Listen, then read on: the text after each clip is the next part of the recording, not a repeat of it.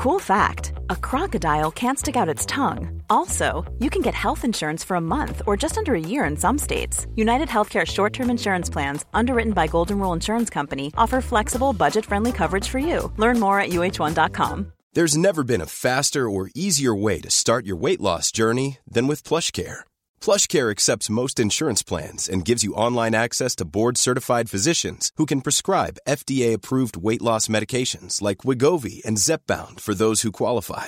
Take charge of your health and speak with a board-certified physician about a weight loss plan that's right for you. Get started today at plushcare.com slash weight loss. That's plushcare.com slash weight loss. plushcare.com slash weight loss. Vi er tilbake og fått med oss Magnus Grimeland. Du er eh, gründeren bak Antler, som da er et venture capital-fond og et, eh, en selskapsgenerator. Og det er store ord for de som ikke har kjennskap til bransjen. Som, så litt enkelt forklart, hvem er Antler, og hva slags selskaper er det dere jakter?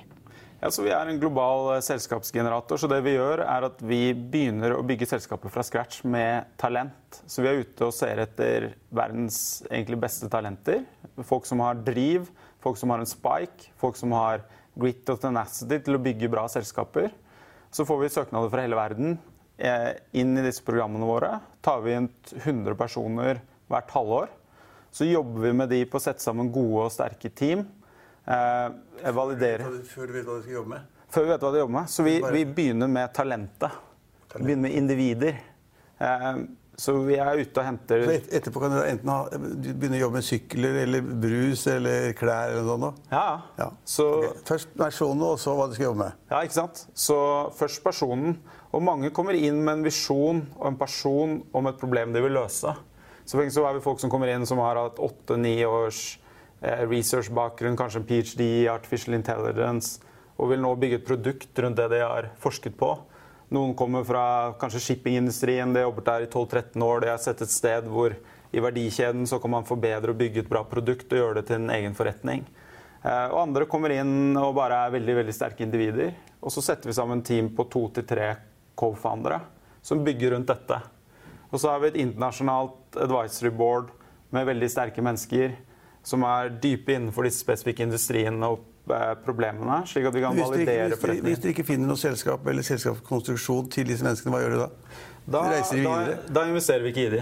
Men da reiser de bare videre, da? Da reiser de videre. Noen av de blir ansatt i våre porteføljeselskaper. Noen går tilbake til det de har holdt på med før. Um, så vi tar ut av rundt 3000 søknader, så tar vi inn ut 100 mennesker. De 100 beste. Og de 100 jobber vi med å bygge forretninger med. Etter tre måneder så ser vi om det er en velvalidert forretningsidé og et godt team. Og da kommer vi og investerer i de teamene. Og de som ikke har kommet seg dit i løpet av tre måneder, de kan fortsette å gjøre hva de vil etterpå. Men du er jo i Oslo i anledning Oslo Innovation Week. Men du var jo en innskuddbisetning antler. Altså, hva, det sier jo ingenting i Norge. Det høres ut som en tøffel. Hva, hva står det for? Er det en, er det en eh, forkortelse for noen eh, Hva står det for? Nei, så Antler, bakgrunnen til navnet er eh, flerfoldig. Så først og alt så er, fungerer verden eh, slik fortsatt at ofte så er ting i en alfabetisk rekkefølge. Så det lønner seg et navn som begynner med A. når Man kommer man øverst på sider. Og det var viktig for oss. I Asia, Vi begynte jo å bygge selskaper i Asia. Så er det å ha en stabil første bokstav veldig viktig. Okay. Og A-en den står på en veldig stabil plattform. Og så vil vi ha et navn med symbolikk. og eh, Antler, altså gevir, det er jo eh, verdens raskest voksende mammal tissue. Eh, så det vokser veldig fort. Og så det, går det fra hodet og hjernen ut i veldig mange ulike retninger. Så du har en kombinasjon av symbolikk, sterk førstebokstav og at navnet begynner med A. Så det var en forklaring. Ja. Kanskje en eh, morsommere forklaring enn du hadde forventet deg, Trygve? Nei, jeg regner med at det lå noe bak. Jeg synes det var litt pussig. Men nå får jeg kanskje lov å spørre hvorfor Magnus har tatt turen til Oslo. Ja. altså Oslo Innovation Week, masse norske gründere. Hvordan vil du sammenligne norske gründere eller den uh, gründervirksomheten som skjer her til lands, med det du ser globalt? Ja, altså Det som er veldig spennende med Norge, er at Norge har jo alltid reinnovert seg selv og alltid vært eh, grunnlag for veldig mange spennende nye selskaper. Og det har vi jo gjort i hundrevis av år og gjort det veldig bra. Og alltid egentlig hatt et internasjonalt eh, syn på ting. Altså De største norske selskapene opererer over hele verden. Eh, så det er jo ikke noe nytt at norske gründere gjør det veldig bra. Der det har tatt litt lengre tid, er på liksom, teknologisiden, internettsiden. Eh, men der også begynner det å komme veldig mye spennende selskaper nå. Eh, og det ligger kanskje litt eh, mindre framme enn en del andre europeiske hovedsteder. F.eks. har det vært mer aktivitet innenfor dette området i Stockholm. Men det jeg syns er veldig spennende å se, det er jo den akselerasjonen du ser nå. Vi var jo på rådhuset med Oslo Innovation Week for et par dager siden. og Visstnok fem år siden så ble det investert rundt 100 millioner kroner i året i Oslo i startups og teknologiselskaper. Og fem år senere så ligger det på nesten en milliard. Eh, og det er en akselerasjon som er veldig, veldig rask. Så jeg tror tidspunktet er nå. Altså, nå kan man bygge store internasjonale selskaper fra Norge. Eh, og, og gjøre det ganske kjapt. Det tok jo Pokémon Go tok det 14 eh, dager å få 50 millioner kunder fra én lokasjon. WhatsApp, når de solgte til, til Facebook, hadde de 38 ingeniører i teamet. Og så man kan bygge store, skalerbare selskaper som eh, har kunder over hele verden på bare noen få år. Fra mindre land som Norge og, og Singapore, hvor vi opererer, og Sydney. Og det er veldig mange gode eksempler på det. Så det er et veldig bra tidspunkt. Så nå, sitter så nå sitter det masse mennesker klare et eller annet sted som da får litt penger og litt ekspertise, og så blir det den strukturen, det selskapet, i løpet av én eller to eller tre måneder? Ja, altså vi er jo bare én. Dere er veldig optimistiske, da? Vi er jævlig trauste i Norge. Det går, sakte, det går, litt saktere her da enn andre steder? Nei, altså, jeg mener at eh, det ikke, ikke, gjør det. Og eh, det vi har sett, da, det er at hvis du har de riktige menneskene som jobber på en forretningsmodell som virkelig, virkelig eh, er riktig å jobbe på, at de virkelig løser et, et problem som kan løses, og det har de riktige menneskene bak det, så kan det vokse utrolig fort. Vi har jo mange selskaper i vår portefølje som har gått til 100 ansatte og eh, hundrevis av millioner i omsetning etter bare et år eh, eh, under operasjon. Og det tror vi kommer til å gjøre her også. Nå har vi ikke begynt å bygge selskaper ennå. Vi begynner jo vår første kohort her i januar. Så hvis det er noen som hører på, så er det bare å søke til Ample-programmet. det høres ut som bra reklame. Men, men, men hva er, hva er sånn snitt lengde på å sitte med selskapene? Så vi, vi, investerer og er en langsiktig investor. Ja, Hva er, hva er langsiktig for noe? Ti år perspektiv har vi okay, på våre fond. Okay, okay. Um, så det er kortere enn vanlige sånn equity-fond? De er tre, fem, seks, sju år eller sånn? Ja. Dere er ti år? Ti år og mer? Ja, og det er veldig vanlig i venture capital. For det tar i snitt så tar det sju til ti år å komme til, eh, til, at du kan få solgt noen av aksjene dine. Det spennende der nå er jo at det forandrer seg veldig. så eh, Tidligere og tidligere så blir det sekundærmuligheter. F.eks. hvis du ser på norske selskaper som kolonial.no, så er det veldig mange av deres tidligere investorer som allerede har solgt seg ut eh, og fått en god avkastning. Og så er det andre som blir med på hele reisen. jeg trodde alle hadde, jeg trodde alle hadde tapt alle pengene i Kolonial AS. Ja, De har jo nettopp fått med seg eh, Kinnevik inn som stor eier. og det, ja, det, det, det går veldig bra. Nei, det tror jeg ikke på. Har ikke de som tapper masse penger, da?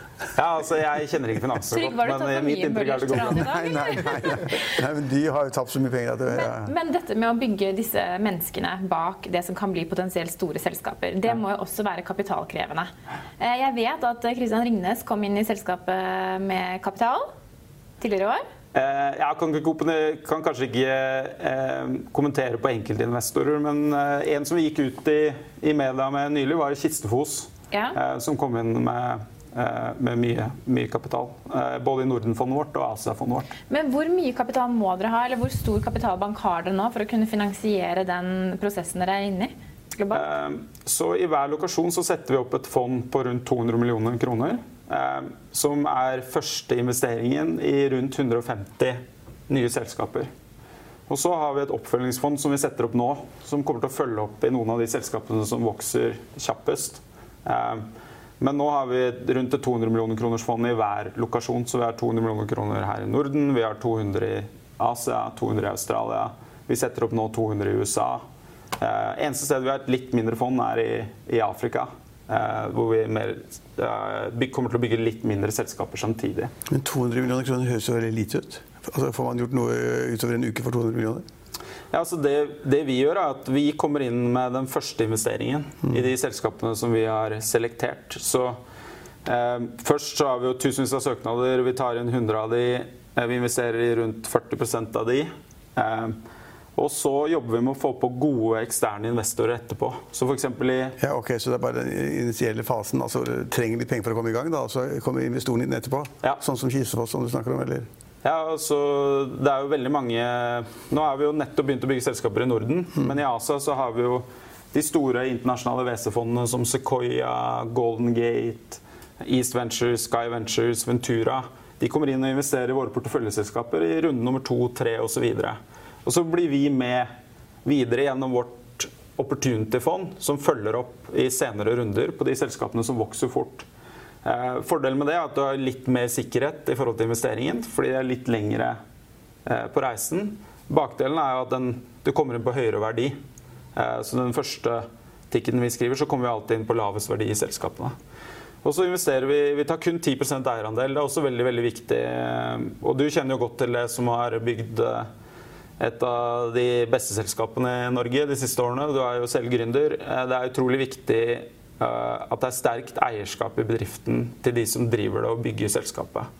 Så funderne, når de kommer ut av vårt program, så eier de 90% av forretningen sin. Så vi tar en liten ærandel. Vi blir minoritetseier. Men du, altså, du har jo en, ikke bare en spennende bakgrunn, men et veldig spennende nettverk. Jeg har lest alt fra Spotify-gründer Andreas Ehn til tidligere finansminister i USA Larry Summers, blant mange andre. Hvor viktig har et sånt nettverk vært for å starte Antler? Jeg tror det er viktig på to måneder, så, eh, eller faktisk på tre måneder. Det ene, I begynnelsen er det viktig å ha med seg den type mennesker for å bygge kredibilitet. Eh, og når du har kredibilitet, så får du tak i de beste gründerne og de beste founderne. Eh, og du får også tak i den kapitalen du trenger for å investere. Så det er den ene delen. Så kommer nummer to. Det er å dra på disse menneskene sin kompetanse til å validere forretningsmodeller. Så for eksempel, Eh, skal du bygge noe innenfor consumer-teknologi nå og ha god Hiring for your small business? If you're not looking for professionals on LinkedIn, you're looking in the wrong place. That's like looking for your car keys in a fish tank. LinkedIn helps you hire professionals you can't find anywhere else, even those who aren't actively searching for a new job but might be open to the perfect role. In a given month, over 70% of LinkedIn users don't even visit other leading job sites. So start looking in the right place. With LinkedIn, you can hire professionals like a professional. Post your free job on linkedin.com slash people today. I'll see you in court. Vi sier det ofte litt på spøk, men for deg som driver business, er det aldri moro å innse at du ikke har laget en 100 gyldig kontrakt. Du bør ikke risikere hele firmaet ditt fordi du synes dette med kontrakter er litt stress. En avtale er ikke en avtale. Du kan miste kunder, miste venner, ja, til og med miste inntekter om du ikke lager en skikkelig kontrakt, på alt mulig, egentlig. Men vi vet det er et styr. Kopimaskiner, tregprinter og haugevis av papir. Dessuten stoler vi jo på folk her i landet. Det er ofte litt kleint å skulle be om en signatur for alt mulig, ja, for mye av styret handler også om jakten på underskriften. Det finnes en enkel måte å løse dette på, Dukkobit. En trygg, effektiv og get this, gratis måte å sikre seg en god natts søvn pluss en juridisk bindende avtale. Dukkobit-appen har de strengeste sikkerhetskrav i bunn, samt en EU-godkjent og sertifisert teknologi. Framover vil det bli behagelig å spørre du, skal vi skrive under på det, eller? Kom i gang på dokobit.no. Godt innspill på produktarkitektur, så er det veldig kult å bruke noen timer med han som bygde Spotify, den originale Spotify-plattformen. Eh, så det er den andre delen. liksom Deling av kompetanse. Og det ha tilgang til det tidlig.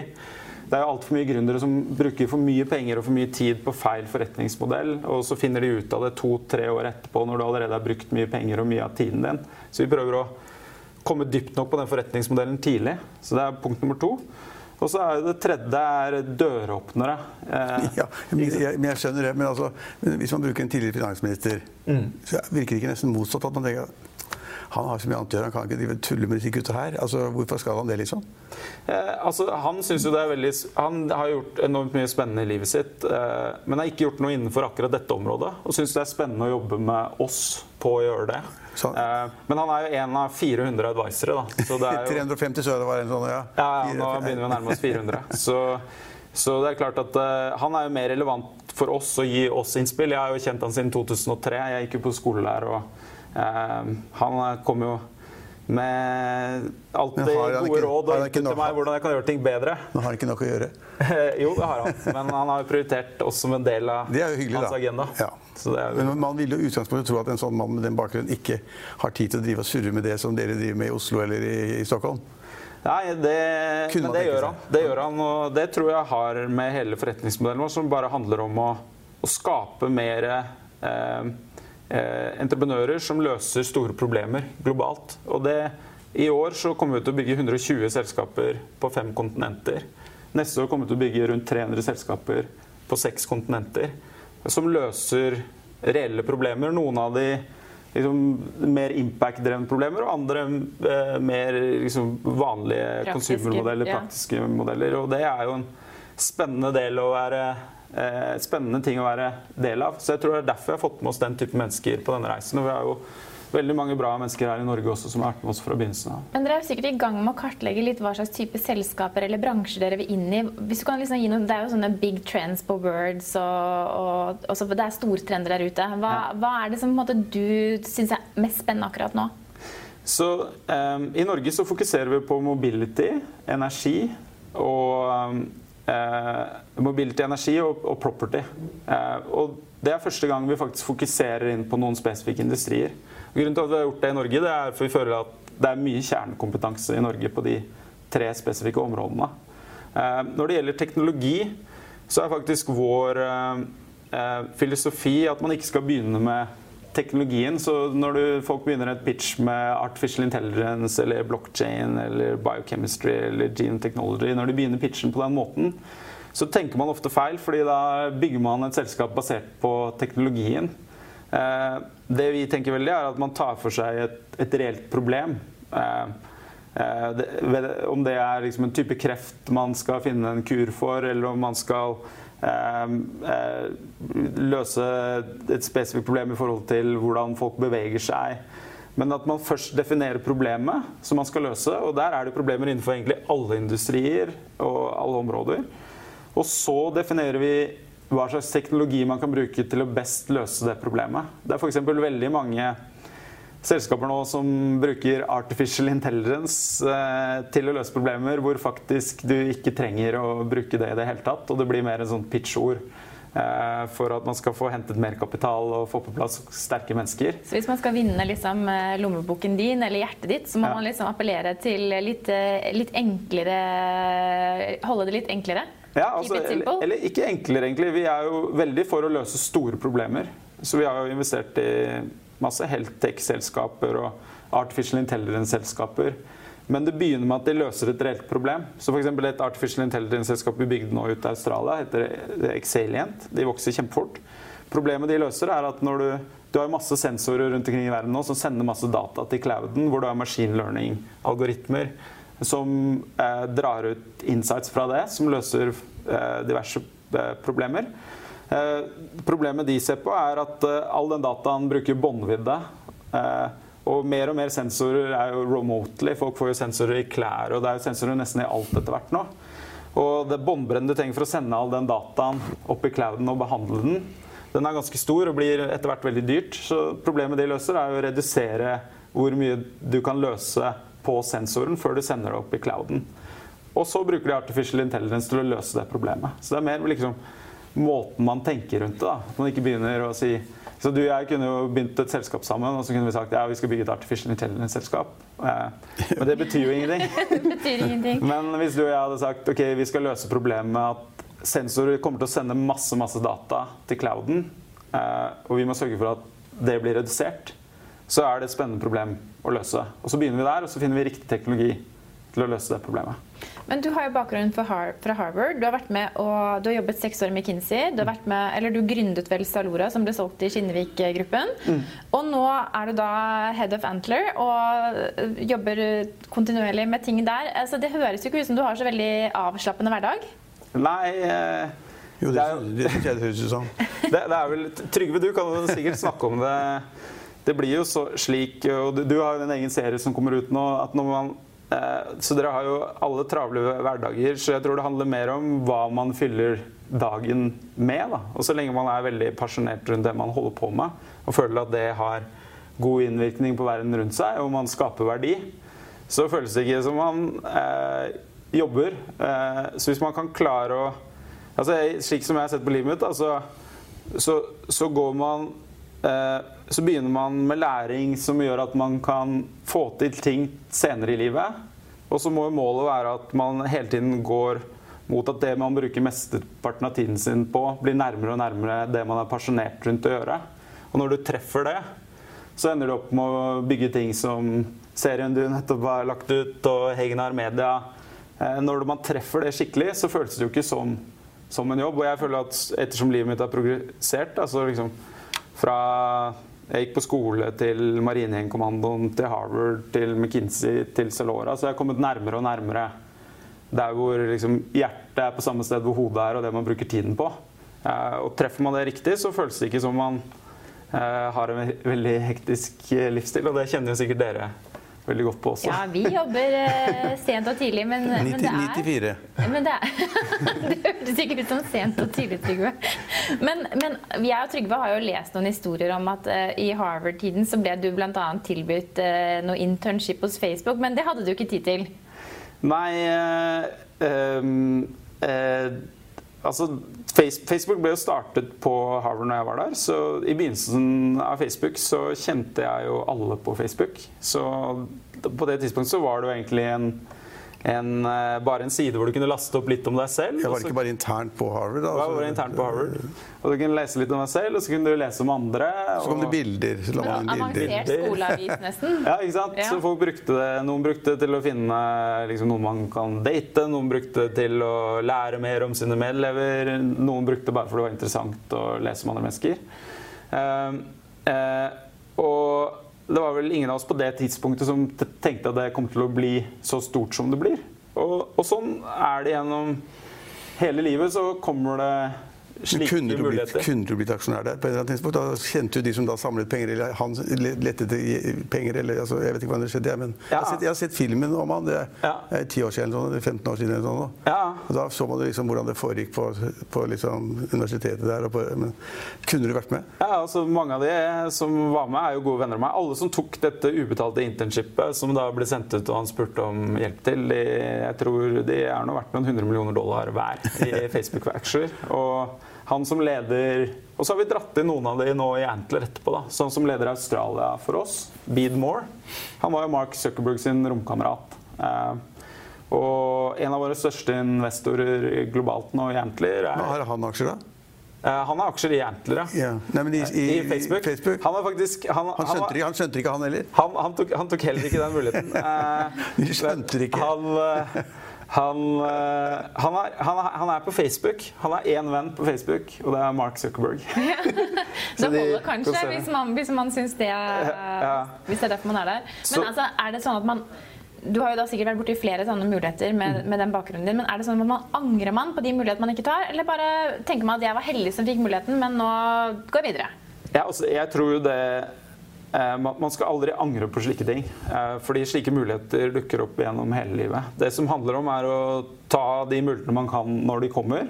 Eh, og da vil det bli til noe bra etter hvert. Og slik som jeg tenker på det, det minner meg om en ting som jeg tenker mye på. Det er liksom en gammel quote som er liksom Luck is when great preparation meets the right opportunity. Altså når man har forberedt seg godt gjennom livet og får den riktige muligheten, så, så, så har man ofte flaks.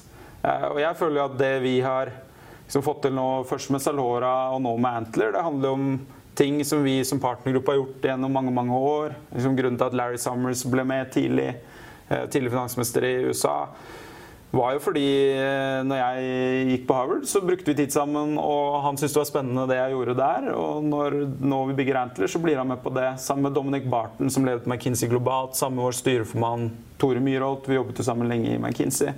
Så hvis man bare hele tiden sørger for å gjøre ting på en riktig måte med de riktige verdiene, så vil disse mulighetene komme opp med jevne mellomrom. Og, og så må man bare ta noen av de, og så er det noe man kommer til å miste mist på veien. Ja. Men man bygger, sin egen, man bygger sin egen flaks, og noen ganger så vil man ikke ta disse mulighetene, men man må prøve å ta dem når man kan. Ja, men Nå vil du kanskje være med å bygge muligheter for andre. Ja, ja. Tusen takk for at du kunne være gjest hos oss i dag. Økonominyhetene er en podkast fra Finansavisen. Programledere er Marius Lorentzen, Stein Ove Haugen og Benedikte Storm Bamvik. Produsenter er Lars Brenden Skram og Bashar Johar.